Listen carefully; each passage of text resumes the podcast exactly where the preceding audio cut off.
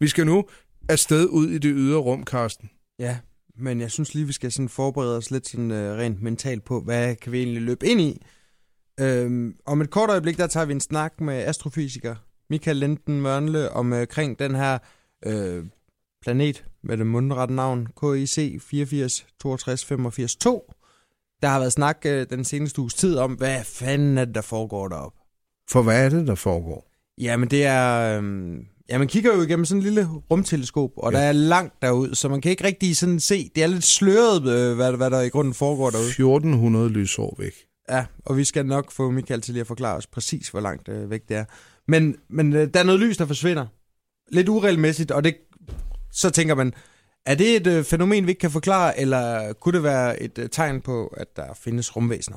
Nej, hvor ville det være vildt, ikke? Hvad vil man gøre, altså hvis vi fandt ud af, at, prøv nu at høre, det vi ser nu, det er 1400 år gammelt, og det er et avanceret system, som er bygget og er også langt overlegent for 1400 år siden. Mm. Det kunne ske. Altså, hvem siger, med, at, at, at intelligente væsener ikke blev opfundet sådan samtidig med dinosaurerne her på jorden? Jamen, øh, altså... Wow. Men det er jo så langt væk, så vi skal ikke regne med at få besøg af, af dem i hvert fald. Med mindre, Karsten, at de har fundet ud af at rejse over lysets hastighed. Ja. Eller, eller blive, øh, blive sendt i, øh, i øh, infrarøde stråler. Forestil dig nu, at de har lavet noget, der bare kan rejse med lysets hastighed. Ja. Og øh, de var intelligente sådan en halv million år før os. Og de nu har lavet øh, æg, der ligger frosset ned, eller skabninger fra dem, der kan tåle at være frosset ned i 1400 år. Det er ikke svært at holde ting på det absolutte nulpunkt i, i, i verdensrummet, vel? Der er skide koldt. Og det sender de afsted i en raket, der lander på jorden, hvor væsenerne så automatisk tør op og lever og kommer herud til os. Ja, men vi har jo, jeg har jo personligt i hvert fald en eller anden forestilling om, at uh, uanset uh, hvor intelligent liv man kan støde på, så minder det i bund og grund uh, sådan om, om os mennesker.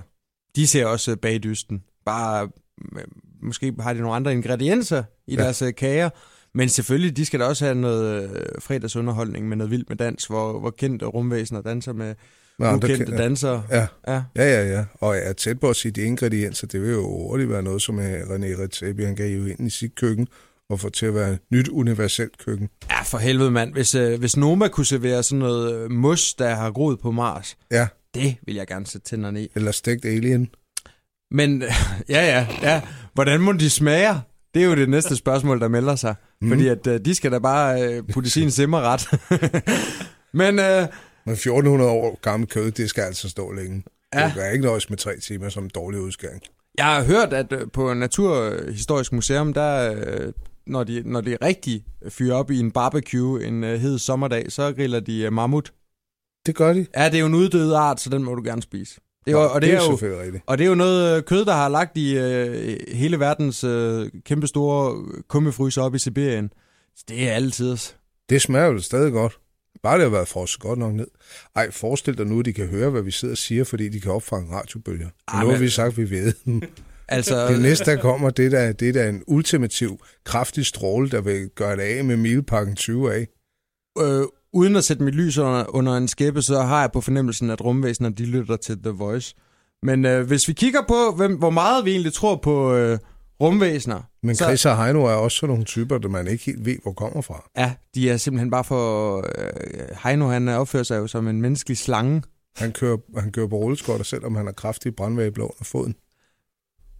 56 procent af tyskerne, 54 procent af amerikanerne og 52 procent af øh, englænderne, de tror altså, at der findes øh, intelligent liv i verdensrummet. Og verdensrummet, det er jo stort.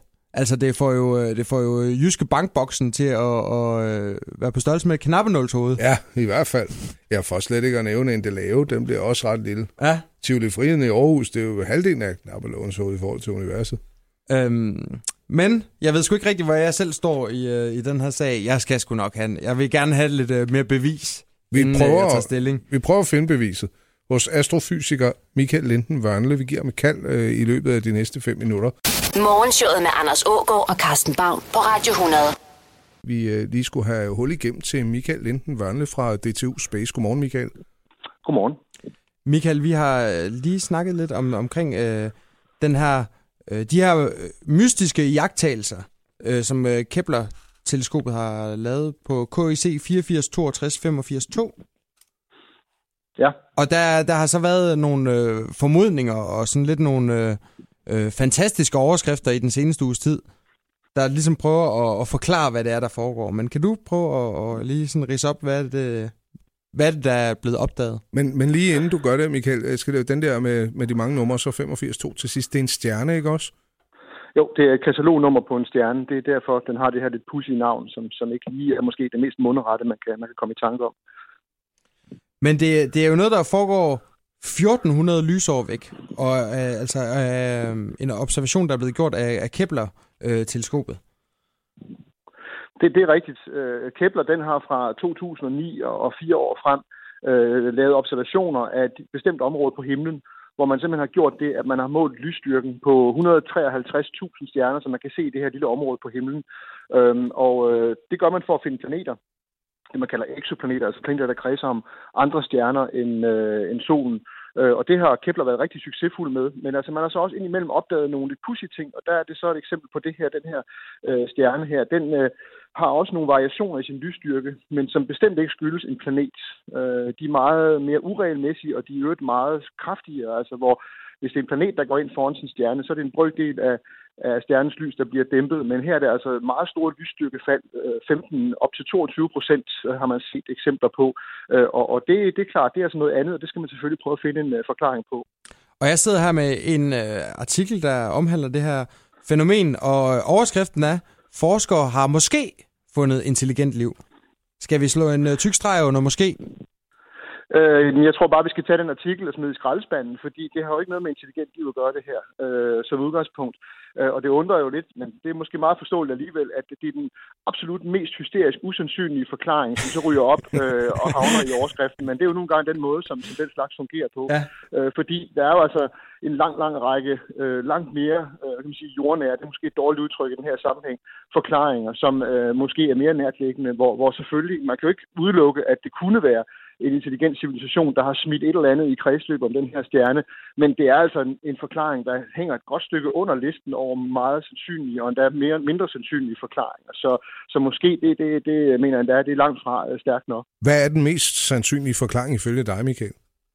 Jamen altså, man har jo kigget på forskellige muligheder. Det man selvfølgelig starter med at kigge med på, når man laver sådan noget her, det er at se, er der, er der en eller anden fejl med, med dataen, eller er der sket en eller anden fejl i databehandlingen. Det mener man at kunne udelukke. Så kigger man på, om det er stjernen i sig selv, som kunne have en eller anden form for aktivitet, der gør, at dens lysstyrke varierer. Det har vist sig, at den har en ledsagerstjerne. Kunne det være den? Og begge dele har man også kunne udelukke. Så ser man jo på, jamen, er det et eller andet, der kredser rundt om, om stjernen? Det er jo sådan set det, som Kepler er sat i verden for at afsløre. Og det er nok ikke nogen planet, men hvad kunne det så være? Øh, og her kigger man for eksempel på asteroider, øh, man kigger på kometer, og den mest sandsynlige forklaring ud fra de undersøgelser, man er, der er udgivet en videnskabelig artikel, som meget, meget grundigt har gået gennem alle de her sandsynlige og mindre sandsynlige forklaringer, at det simpelthen er en familie af kometer, der er blevet flået i stykker af stjernens tyngdekraft, og så øh, kredser rundt om, når en gang imellem går ind og blokerer for, for lyset fra, fra den her stjerne. Du skal have mange tak, Michael Linden Mørle, altså astrofysiker fra D2 Space. Det var så lidt.